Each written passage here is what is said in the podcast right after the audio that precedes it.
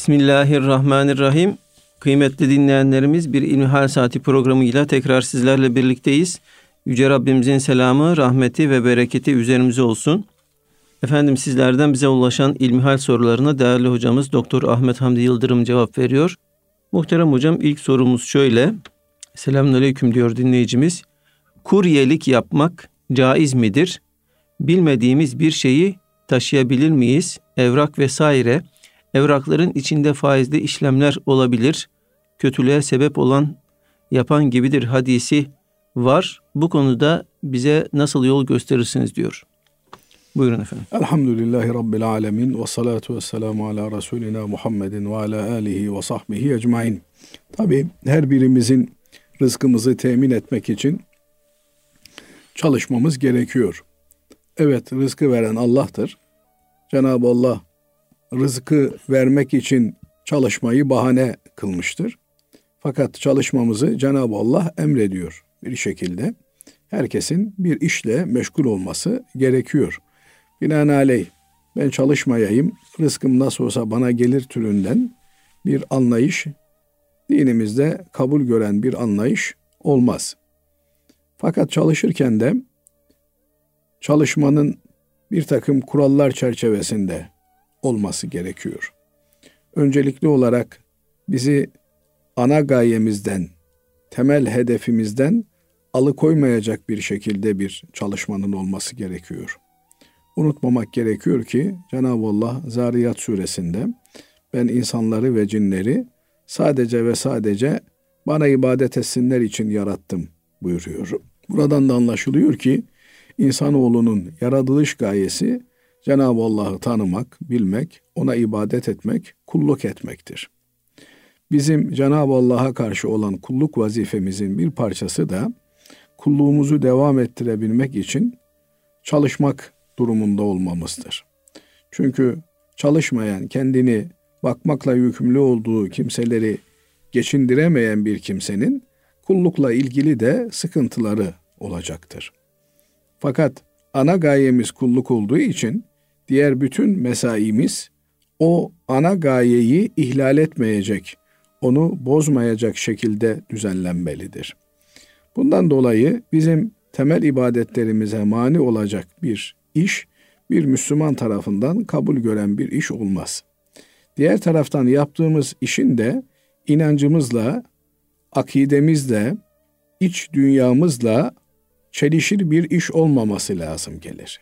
Yani bir yandan siz şarabın haram olduğuna inanacaksınız. Diğer taraftan da şarapla iştigal eden, meşgul olan bir müessesede bir iş tutacaksınız. Bu olmaz. Zaman içerisinde insanın inançlarından taviz vermesine, imani esaslarda bir takım zafiyete düşmesine yol açabilir. Bundan dolayı yaptığımız işin de inançlarımızda, dinimizde çelişir bir iş olmaması lazım gelir. Şimdi kardeşimiz kuryelik işini soruyor. Benim bildiğim kadarıyla kuryelik bir taraftan verilen bir paketin, bir efendim e, kargonun bir başka adrese ulaştırılması işidir. Bunun muhtevasının ne olduğunu kuryelik yapan kimseler bilmezler. Fakat bir takım alametler, bir takım işaretler bunun muhtevası ile ilgili de insana bilgi verir. Söz gelimi eğer şarap satan bir yerden bir kargo almışsanız ve onu bir adrese götürüyorsanız o zaman siz burada paketin içerisinde ne olduğunu tam olarak bilmeseniz de büyük bir ihtimalle bir içki, bir yasak tüketilmesi dinen yasak olan bir madde olduğunu tahmin edebilirsiniz. Burada zanlı galip dediğimiz ağırlıklı olan ihtimal devreye girer. Nitekim biz yaptığımız işlerde de temel ölçü olarak, temel kriter olarak zanlı galibi kullanırız. Yani elbette adam içki satıyor diye, şarap satıyor diye kargoya verdiği her şeyin içerisinde içilmesi yasak veya kullanılması dinen yasak bir nesne bulunmak durumunda değil. Belki bir kitap gönderiyor, belki bir mektup gönderiyor, belki farklı bir şey gönderiyor. Fakat değil mi ki içinde bulunduğu müessese bu çağrışımı akla getiriyor. Ağırlıklı ihtimal olarak buradan efendim paket ölçüleri de ona müsait olduğu takdirde dinen kullanılması yasak bir şey kargo ediliyor. Bir Müslümanın bunu taşıması, buna yardım ve yataklık etmesi doğru olmaz. Bu lojistik desteği vermek doğru olmaz. Nitekim aynı şekilde hem dinen hem de hukuken taşınması yasak olan, kullanımı yasak olan uyuşturucu maddelerin efendim siz içerisinde ne olduğunu bilmeden taşırsanız bugün kolluk kuvvetleri de sizi yakaladığında mahkemeye götürür. Mahkeme hakikaten sizin ve içinde muhtevasını ne olduğunu bilmeden taşıdığınıza kanaat getirirse sizi salı verir.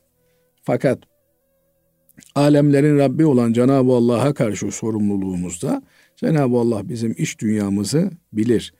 Niyetlerimizi bilir. Bugün şarap hükümetçe veya devletçe serbest diye bir Müslüman buna serbest muamelesi yapamaz. Nasıl e, devletin yasak kıldığı bir maddeyi taşımak yardım ve yataklığa giriyor, lojistik destek vermeye giriyor ve cezai mucip oluyorsa dinen de taşınması yasak olan, kullanılması yasak olan bir şeyi taşımak, onu birine ulaştırmaya çalışmak e, cezai mucip bir durum olur, tenkiti mucip bir durum olur. Binaenaleyh bir Müslüman eğer böyle bir iş yapıyorsa, kuryelik vesaire türünden bir iş yapıyorsa, yeri geldiğinde itiraz edebilmeli. Ben bu tür şeyleri taşımam, insanlığın zararına olan, dinen yasak olan şeyleri taşımam diye taşımayı reddetmelidir. Eğer böyle bir e, reddetme hakkı kendisine tanınmıyorsa o zaman bu tür yerlerde çalışması uygun olmaz. Buralardan ayrılarak daha düzgün yapabileceği bir işe girmelidir. Ama bazı yerlerde çalışan kurye kardeşlerimiz efendim kebapçıda çalışıyor söz gelimi kebabı alıyor müşteriye götürüyor. Bu tür ne aldığı ne verdiği ne teslim ettiği belli olan ve muhtevasında da dinen haram olmayan şeyleri taşımasında bir sıkıntı olmadığı gibi hatta bunu ibadet niyetiyle yaparsa ben insanların efendim ihtiyaçlarını karşılıyorum. Kim bilir adamcağız evinden çıkamıyor veya kadıncağız evinden çıkamıyor. Ben ona ihtiyacını böylelikle ulaştırıyorum diye düzgün bir niyetle, samimi duygularla gittiği insanlara da selamun aleyküm diyerek güzel yüzde hizmetini yaparsa işini doğru yaptığından dolayı bir mükafat alması da söz konusu olur. Binaenaleyh temel ölçü buralarda biz Allah'ın günah kıldığı, yasakladığı şeyleri yapmamak durumunda olduğumuz gibi bunların yapılmasına hiçbir şekilde destek olmamız da söz konusu olamaz. İşbirliği yapmak, yardım ve yataklık yapmak, Allah'a isyan ve günah olan yerlerde bu tür desteklerde bulunmak Maide suresinin başındaki ayetlerde ifade edildiği üzere yasaklanmıştır. Cenab-ı Allah günah ve isyan olan şeyde birbirliğinizde işbirliği yapmayınız. Dayanışma içerisine girmeyiniz buyurmaktadır. Bu çerçevede eğer bir günahın e, işlenmesine en ufak bir katkı bile söz konusu olsa, mesela adam faizle iştikal eden bir bankanın adresini sorsa, onu bile söylemek doğru olmaz. Binaenaleyh bir adres tanımlarken bile filan bankanın yanındadır demek bile doğru olmaz. Çünkü bunlar bizim sömürü araçları olarak gördüğümüz dinimizin yasakladığı işi yapan müesseselerdir. Bunlarla aramıza bir mesafe koymak durumundayız. Evet. Değerli hocam, ikinci sorumuz şöyle. Hocam, konuştuğum kişinin sosyal medyasında önünde içecek olan bir fotosunu gördüm ve içeceğin görüntüsünü haram bir içeceğe benzettim. Haram bir şey içiyor diye onunla evlenmeyeceğim, evlenemem diye yemin ettim. Ama öyle bir şey yokmuş ve bildiğim kadarıyla görüş, e, gördüğüm şey yanlış imiş. Yanlış anladığım için o şekilde yemin ettim. Yoksa normalde asla öyle bir yemin etmezdim. Öyle bir şey olmadığı için onunla evlenebilir miyim? Kefareti verirsem o yemin geri alınır mı? Boşa çıkmış olur mu? Ve yemini bozduğum için günahı vebali boynumda kalacak mı? Şimdi Cenab-ı Allah yeminle ilgili Kur'an-ı Kerim'de yeminlerinize, ahitlerinize, sözlerinize sadık kalın diye bize emirde buyurur. Ama yapmış olduğumuz yemin eğer e, yanlış bir noktaya bizi götürecekse, kendimize veya bir başkasına haksızlığa yol açacaksa, o zaman yanlış yere yapılan bu yeminlerin bozulması gerekir. Söz gelimi adam e, kızmış, vallahi elma yemeyeceğim diye yemin etmiş. Burada elmayı yememeye dair yapılan bu yeminin herhangi bir şekilde efendim insana yararı olacak, dinine, diyanetine faydası olacak bir tarafı söz konusu değil. Elmanın da bundan zarar görmesi söz konusu değil. Fakat nihayetinde Allah'ın helal kıldığı bir meyvedir. Eğer böyle bir yemin yapmışsa yeminini bozacak ve yemininin cezası, kefareti neyse onu da tutmak suretiyle kendi kendisine bir telkinde bulunacak ki böyle lüzumsuz yeminler bir daha yapmasın. Şimdi burada kardeşimiz birinin profilinde efendim bir içecek görmüş, bir şişe görmüş. Şimdi bunlar doğru değil ama oluyor maalesef. Ee, zeytinyağı şişelerinde veya bir takım malt içecek şişelerinde öyle bir şekil şemail yapıyorlar ki gören bunu şarap şişesine benzetiyor, içki şişesine benzetiyor. Görüntü olarak bile bunlardan ayrı olmak durumunda. Hakikaten helal olan içeceğin muhtevası helal olduğu gibi onun ambalajında da helal simgelerin bulunması binaenaleyh haram olan bir şeyi akla getirmeyecek şekilde ambalajlanması gerekir. Nitekim Efendimiz Aleyhisselatü Vesselam e, haram kılındığı dönemde, şarabın ilk haram kılındığı dönemde şarapla özdeşleşmiş olan, onunla bilinen kapların kullanımını da yasaklamıştır. Çünkü kabın adını telaffuz etmek akla şarabı getirdiğinden dolayı böyle çağrışımların da önüne geçmek için ve insanın aklına haram olan şeyleri düşürmemek için bu tür yasakları koymuştur. Binaenaleyh bugün ambalajlamada da efendim eğer bir insan, bir Müslüman bir şey üretiyorsa onun ambalajının dış görünümünün helal şeyleri akla getiren, çağrıştıran, efendim safiyete uygun, insanın saf fıtratına, temiz fıtratına uygun olan bir ambalajlama ile şekillendirilmesi doğru olan, uygun olandır. Fakat kardeşimiz böyle bir noktadan hareketle onun haram olan bir içecek olduğunu düşünmüş ve haram hassasiyeti olmayan biriyle de evlenmemeyi yeminle tekitli olarak ifade etmiş. Binaenaleyh bu ifadesi, bu yemini daha sonra işin aslının kendi düşündüğü gibi olmadığını görünce geri adım atmak istiyor. Doğru olan da geri adım atmasıdır.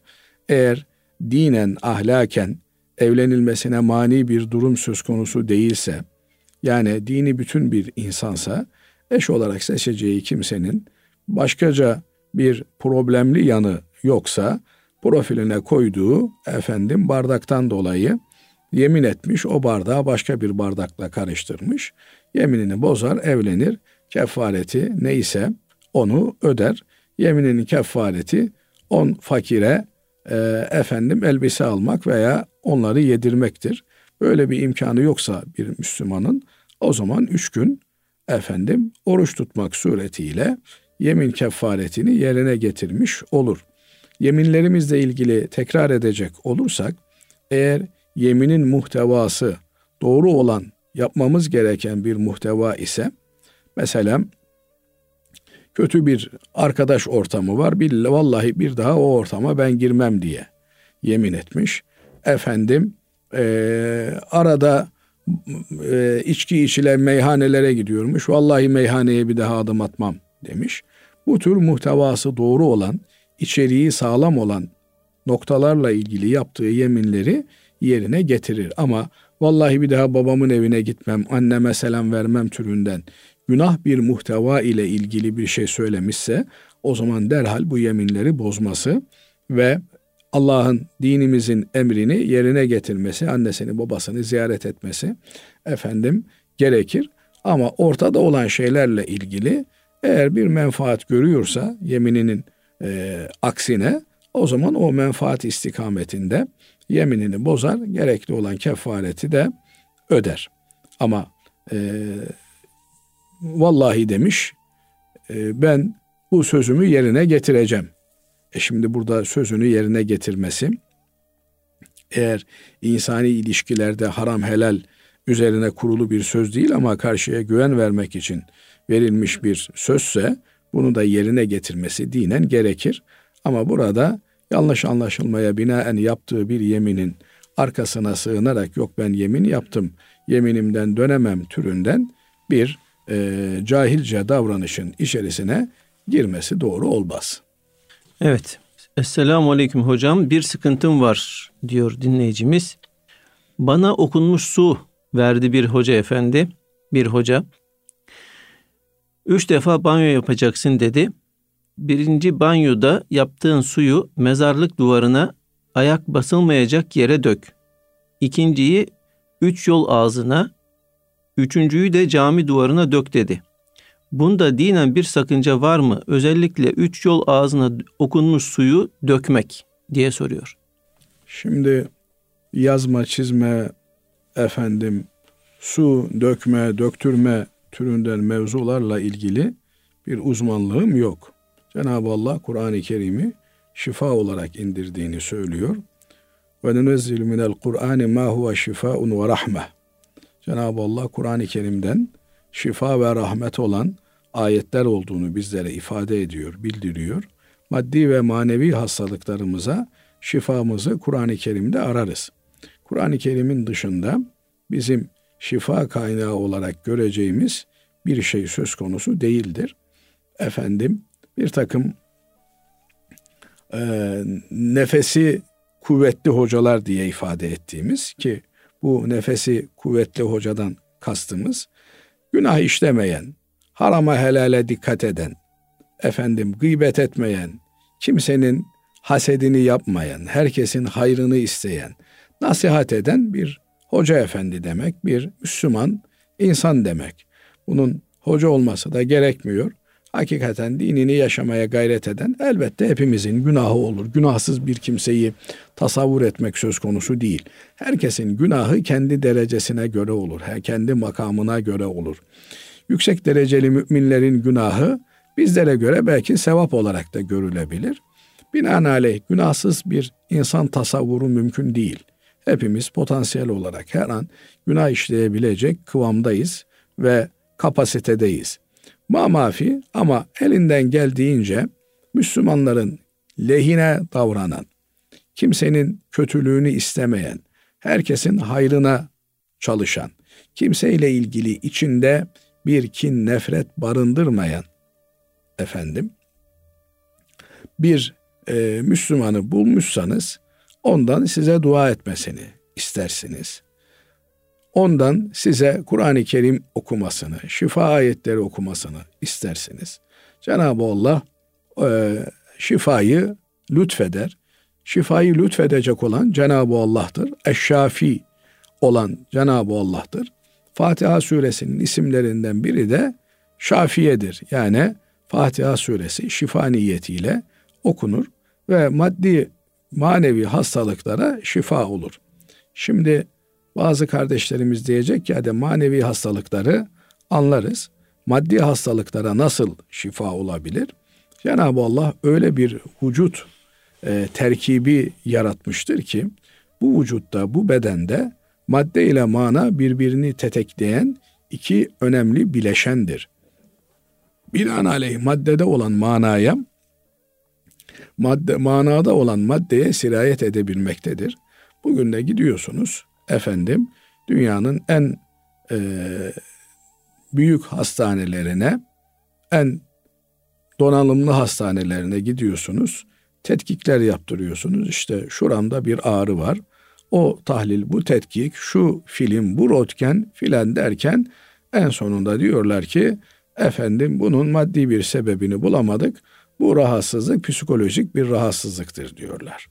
Peki psikolojik rahatsızlık da niye benim vücudumun şurası ağrıyor, niye elim ağrıyor, niye bacağım ağrıyor, niye karnım ağrıyor?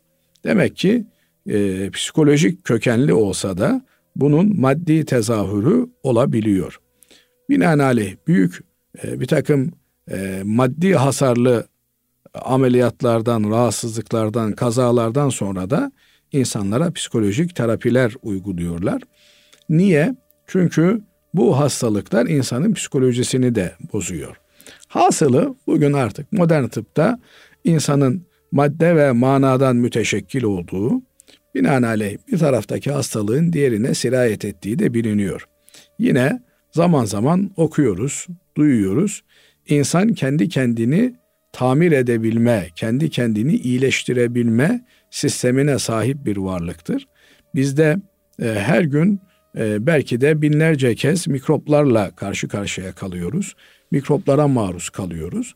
Bu mikroplara karşı bağışıklık sistemimiz çöktüğünde hastalığı kapmış oluyoruz. Ama bağışıklık sistemi güçlüyse bağışıklık sistemi bu mikroplarla mücadele ediyor. İşte bağışıklık sistemini güçlendiren şeylerden bir tanesi de insanın psikolojisinin iyi olmasıdır. İnsanın manen kendisini güçlü hissetmesidir. Arkasında büyük bir gücün olduğunu, onu koruduğunu hissetmesidir. Binaenaleyh bir Müslüman Kur'an-ı Kerim okumak suretiyle Cenab-ı Allah'ın hastalığı da veren, şifayı da verenin Cenab-ı Allah olduğuna inanarak kendi kendini hastalıklardan iyi edebilme mekanizmasını harekete geçirebileceği bir hakikattir. Binaenaleyh bunu insan kendisi de Kur'an-ı Kerim okuyarak Cenab-ı Allah'a iltica ederek yapabilir. Bazen araya bir mübareğin, bir aksakalın ne bileyim duası makbul birinin veya insanın öyle inandığı birine giderek ondan dua istemesi şeklinde de olur. Nitekim Efendimiz Aleyhisselatü Vesselam sahabe efendilerimizden dua istemiştir. Hazreti Ömer Efendimizden dua istemiştir. Ümre'ye giderken bana da dua edin demiştir. Böylelikle insanların birbirlerinden dua istemeleri gayet insani ve İslami bir davranıştır. Ama bir takım sulara işte efendim suları dağın başına koyacaksın. Güneşin ilk doğduğu yerden boşaltacaksın. Efendim insan eli değmemiş bir çocuğun eline dökeceksin türünden böyle absürt şeylerle insanların vakitlerini ve inançlarını sömürmenin bir anlamı yoktur. Ma mafi ben yaptım bundan fayda gördüm diyebilir mi bir insan? Diyebilir. Niye? Az önce ifade ettiğim gibi yani insan bir noktaya odaklanır ve ben buradan fayda göreceğim diye bir şeye kendini şartlarsa orada elbette o az önce sözünü ettiğimiz mekanizma devreye girecektir. Ama bir Müslüman için bu tür e, inançların, e, batıl inançların yeri yoktur. Bir Müslüman için asıl olan Cenab-ı Allah'ın Şafi ismiyle tecelli etmesidir. Şifa da Allah'tandır, hastalık da Allah'tandır. Bir insan Rabbine itimat ederek Rabbim beni hastalıklardan iyileştirir diye Cenab-ı Allah'a iltica ederek ellerini kaldırdığında zaten hastalıkları yavaş yavaş iyileşmeye başlamış olacaktır. Bundan dolayı bu tür şeylerle insanlar vakitlerini boş yere harcamasınlar. Allah muhafaza etsin. Bunların içerisinde zaman zaman dine, diyanete aykırı şeyler de çıkabilmektedir. Bu tür e, sömürü araçlarından uzak durmak lazım. Kazara e, ifade etmeye çalıştığımız şekilde bir iyileşme emaresi görülür. Gafil insanlar bunu başkalarına da tavsiye ederler. Böylelikle sömürünün, istismarın önü açılmış olur ki Allah muhafaza etsin. Kötülüğe delalet eden de o kötülüğü yapmış olmanın günahına e, ulaşacağından dolayı dikkatli olmak lazım gelir. Bizim Kur'an-ı Kerim'e iltica etmemiz, Kur'an-ı Kerim'deki başta Fatiha-i Şerife olmak üzere ayet-el kürsü ve diğer surelerle, Felak Nas sureleriyle Cenab-ı Allah'tan şifa ayetleriyle şifa talep etmemiz bir Müslüman olarak bize yakışan en güzel davranıştır. Allah razı olsun kıymetli hocam. Değerli dinleyenlerimiz, şimdi kısa bir ara veriyoruz. Aradan sonra kaldığımız yerden devam edeceğiz. Kıymetli dinleyenlerimiz, İlmihal Saati programımıza kaldığımız yerden devam ediyoruz. Muhterem hocam dinleyicimiz bize şöyle yazmış. Kumarı, kumarın tanımını yapar mısınız? Oyun salonunda oyun oynayıp kim kaybederse hesabı o ödüyorsa kumar olur mu? Oyun sonunda hesabı yarı yarıya ödemek durumu değiştirir mi? Bilet alıp çekilişe katılmak kumar olur mu? Kazanılan şey helal midir? Evet. Kumar nedir? Aslında kardeşimiz kumarın ne olduğunu biliyor ama bir takım tereddütleri var. Bunlar kumara dahil olur mu olmaz mı diye sorma ihtiyacı hissediyor. Kumar nedir? İki kişi arasında veya daha çok kişiler arasında tamamen şansa yönelik olarak ortaya konulan e, paranın veya bir mali değerin taraflardan birine diğerlerinin aleyhinde olacak şekilde verilmesi veya düşmesi hadisesidir. Binaenaleyh e, bir oyun oynuyorlar. Bunun bir ücreti var. Bu e, ücret kişi başı 5 lira ama oyunu kaybeden kişi bütün herkesin ücretini ödüyorsa elbette burada o kumar dediğimiz şey söz konusudur. Ama öyle değil de bir e, ödül olarak söz gelimi iki tane takım var. Halı sahada maç yapıyorlar. E, halı sahada maç yapmanın bir bedeli var. Adam başı 5 lira veriyorlar. Takım başı işte 60 lira veriyorlar diyelim. Ama biri geliyor diyor ki hadi diyor koçlarım hanginiz kazanırsanız diyor ben diyor onun parasını ödeyeceğim. Üstüne de şu kadar bir ikramda ödülde bulunacağım. Üçüncü bir tarafın araya girmesi halinde bu müsabakalar haram olma vasfından çıkarlar. Her ne kadar kazanan kimseye bir ödül konulmuş olsa da burada da el verir ki müsabakanın konusu dinen teşvik edilen bir konu olsun. İnsanın dinine, dünyasına, ahiretine faydalı bir şey olmuş olsun. Mesela kim Kur'an-ı Kerim'den daha fazla sure ezberlerse, kim daha fazla cüz ezberlerse türünden dinine faydalı bir şey olmuş olabilir. Veya efendim kim hedefi 12'den tutturursa diye e, ok atıcılığı veya silah atıcılığına yönelik faydalı bir antrenmanın ödülü olmuş olabilir. Ama öyle değil de bizzat oyunu oynayanların kendi aralarında kaybeden parayı öder veya kaybeden kazanana şunu verir veya işte her birimiz kart almak için şu kadar para verelim ondan sonra kartları karalım.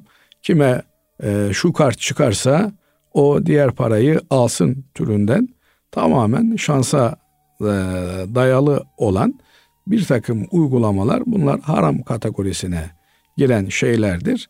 Bunlardan Müslümanın uzak durması lazım gelir. Burada birinci olan şey e, bir tarafın haksız olarak e, kazanç elde etmesi, diğer tarafın da e, karşılığında bir şey almaksızın bir şey kaybetmesidir. Oysa Cenab-ı Allah birbirlerinizin mallarını batıl yollarla yemeyiniz diyor. Birbirinizin malını yiyebilmenizin yolu ticareten antaradin karşılıklı rızaya dayanan ticarettir. Ben bir şey alıyorum, sen bir şey veriyorsun. Binaenaleyh sen de bir şey almış oluyorsun, ben bir şey vermiş oluyorum. Karşılıklı olarak ikimizin de işine yarayacak bir şeyi değişmiş oluyoruz. Böylelikle alan da memnun, satan da memnun olursa, iki tarafta rızaya dayalı olarak bir işlem yapmış olurlarsa, buraya Cenab-ı Allah bir bereket vermiş olur. Ama ben veriyorum, karşılığında hiçbir şey almıyorum.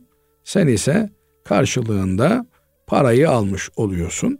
Böyle bir durumda taraflardan birinin kaybı diğerinin de e, aşırı kazancı söz konusu olacağından dolayı bu durum öncelikli olarak e, Müslümanlığın kardeşlik üzere tesis edilmiş olan karşılıklı menfaati koruma ilkesiyle bağdaşmayan bir durumdur.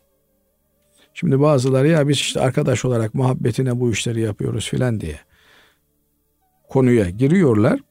Evet büyük haramlara giden yollar böyle muhabbetle başlıyor. Ama dinimiz seddi zeriya dediğimiz yani ağaç yaş iken eğilir. Günahı daha filizlenmeye başladığı zaman önlemek lazım, engellemek lazım. Nitekim işte bu tür muhabbet ortamlarından, kahvehane masalarından büyük kumarbazların çıktığını görüyoruz. Kumar müptelalarının çıktığını görüyoruz. Kumar bağımlılarının daha sonra evlerini, hanelerini mahvettiklerini, yok ettiklerini görüyoruz. Allah muhafaza eylesin. Bundan dolayı kardeşim eğer ortak bir iş yapıyorsak herkes ücretini versin.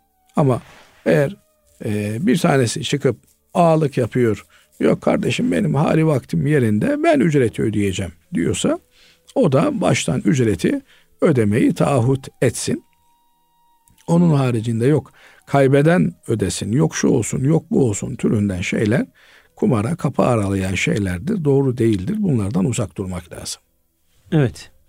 Diğer bir sorumuz şöyle değerli hocam. Maaş müşterisi olduğum özel bir bankadan BES yani bireysel emeklilik sistemi birikim yapmaktayım. Hesapta biriken paranın bir kısmı döviz, bir kısmı altın ve bir kısmı da fonda değerlendiriliyor. 10 yıl ve 56 yaşta emekli olup biriken paramı alabileceğim. Bunun bir sakıncası var mıdır? Çıkmalı mıyız bu sistemden? Devam edebilir miyiz? Bilgilendirirseniz memnun olurum diyor.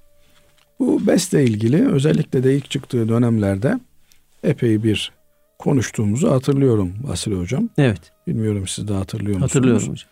Benim kanaatim böyle bir sisteme bir mecburiyet olmadan girmenin doğru olmayacağı şeklinde.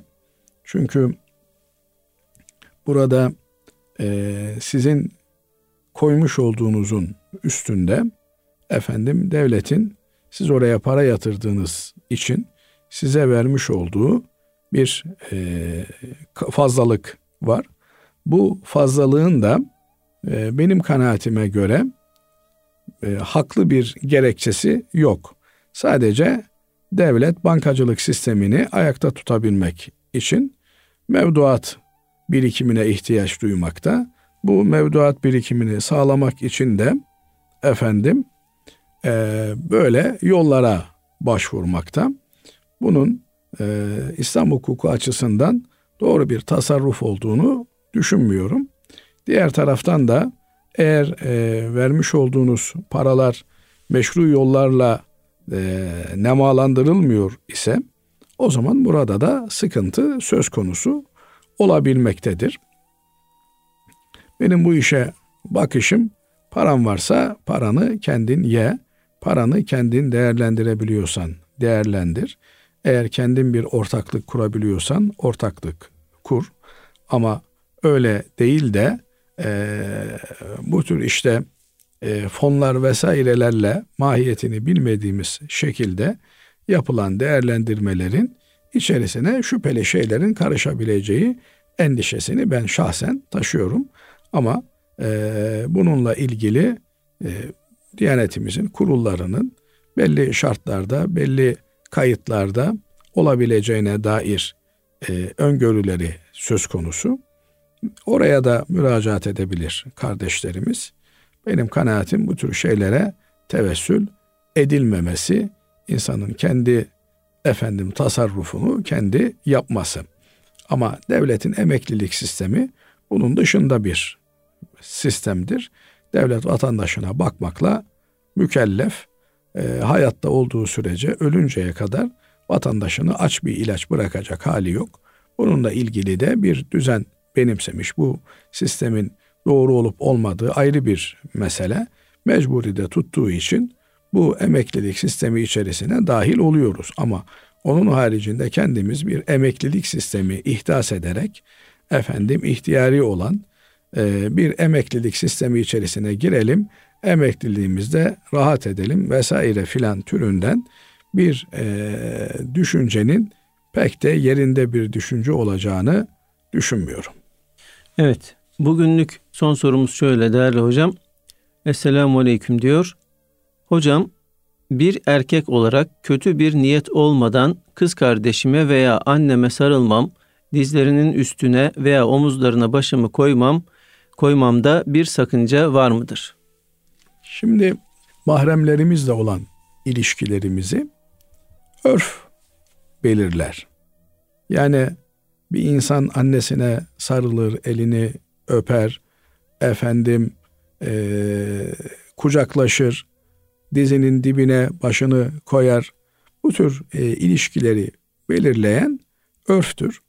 Mahremlerimizle olan ilişkilerimizde elbette mahrem olmayan kimselerle ki halimiz söz konusu olmaz. Adı üstünde mahrem ifadesi evliliğin yasak olması münasebetiyle bir insan annesiyle evlenemez, kız kardeşiyle evlenemez, halasıyla, teyzesiyle evlenemez. Bu evlilik yasağı beraberinde ilişkilerde rahatlığı da getirmektedir. Fakat olayı sadece buna indirgememek gerekir. Yani evlenilmeyen kimselerle demek rahat olabiliriz anlamı çıkmaz. Mahremiyet Cenab-ı Allah'ın akrabalık bağı ile bizlere lütfettiği bir nimettir. Çünkü insanın sadece maddi ihtiyaçları yoktur. Psikolojik de ihtiyaçları vardır. Sevgi de bir ihtiyaçtır. Efendim birine sarılıp ağlama da bir ihtiyaçtır. Binaenaleyh bir insanın annesinin, mahreminin dizine başını koyması, efendim dertlerini anlatması, kendisini ifade etmeye çalışması, sıkıntılarını dile getirmesi bunlar mümkün olan şeylerdir. Fakat bunu dozunda yapmak gerekir. Bunu abartmamak gerekir.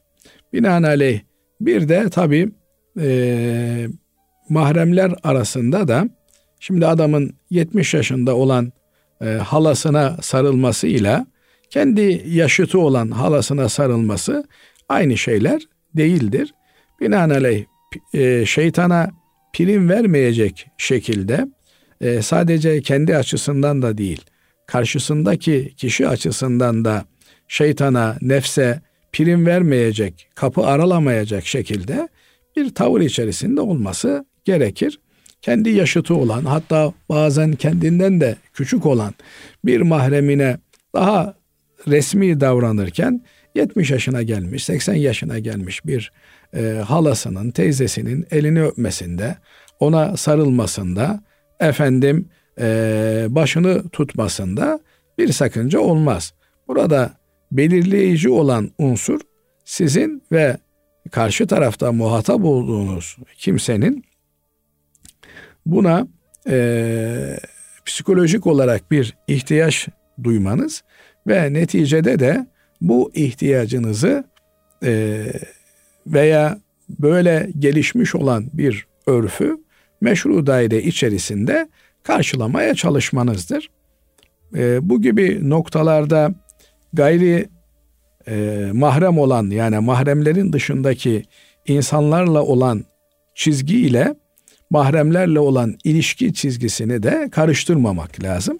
İnsanın belli bir dar alanda daha serbest, daha efendim senli benli bir e, ev içi dediğimiz veya hane içi ilişkilere ihtiyacı vardır ki bu e, ihtiyaç da aslında hem kadının hem erkeğin birbirlerine karşı davranış biçimlerini düzelten ihtiyaçlardır. Buralarda da aşırılığa gitmek doğru değildir. Ama e, bunun anlamı işte bir insan dayısının bir kadınsa dayısının amcasının yanında e, başı açık dekolteyle otursun anlamı değil. Ama başını örterken de efendim dışarıya çıktığı gibi de aman saçımın bir kılı gözükmesin, bir tanesi gözükmesin şeklinde bir e, aşırılığında içerisine gitmez. Yeri geldiğinde e, elini de öper, amcasına da e, sarılabilir. Binaenaleyh e, burada bütün mesele insanın iç dünyasını hem kendisinin hem de karşıdaki muhatabının iç dünyasını yanlış yerlere kanalize etmeden bu tür insani ilişkilerini yürütebilmesidir. Allah razı olsun kıymetli hocam. Değerli dinleyenlerimiz bugünkü İlmihal Saati programımızın böylece sonuna ermiş bulunuyoruz. Efendim hepinizi Allah'a emanet ediyoruz. Hoşçakalın.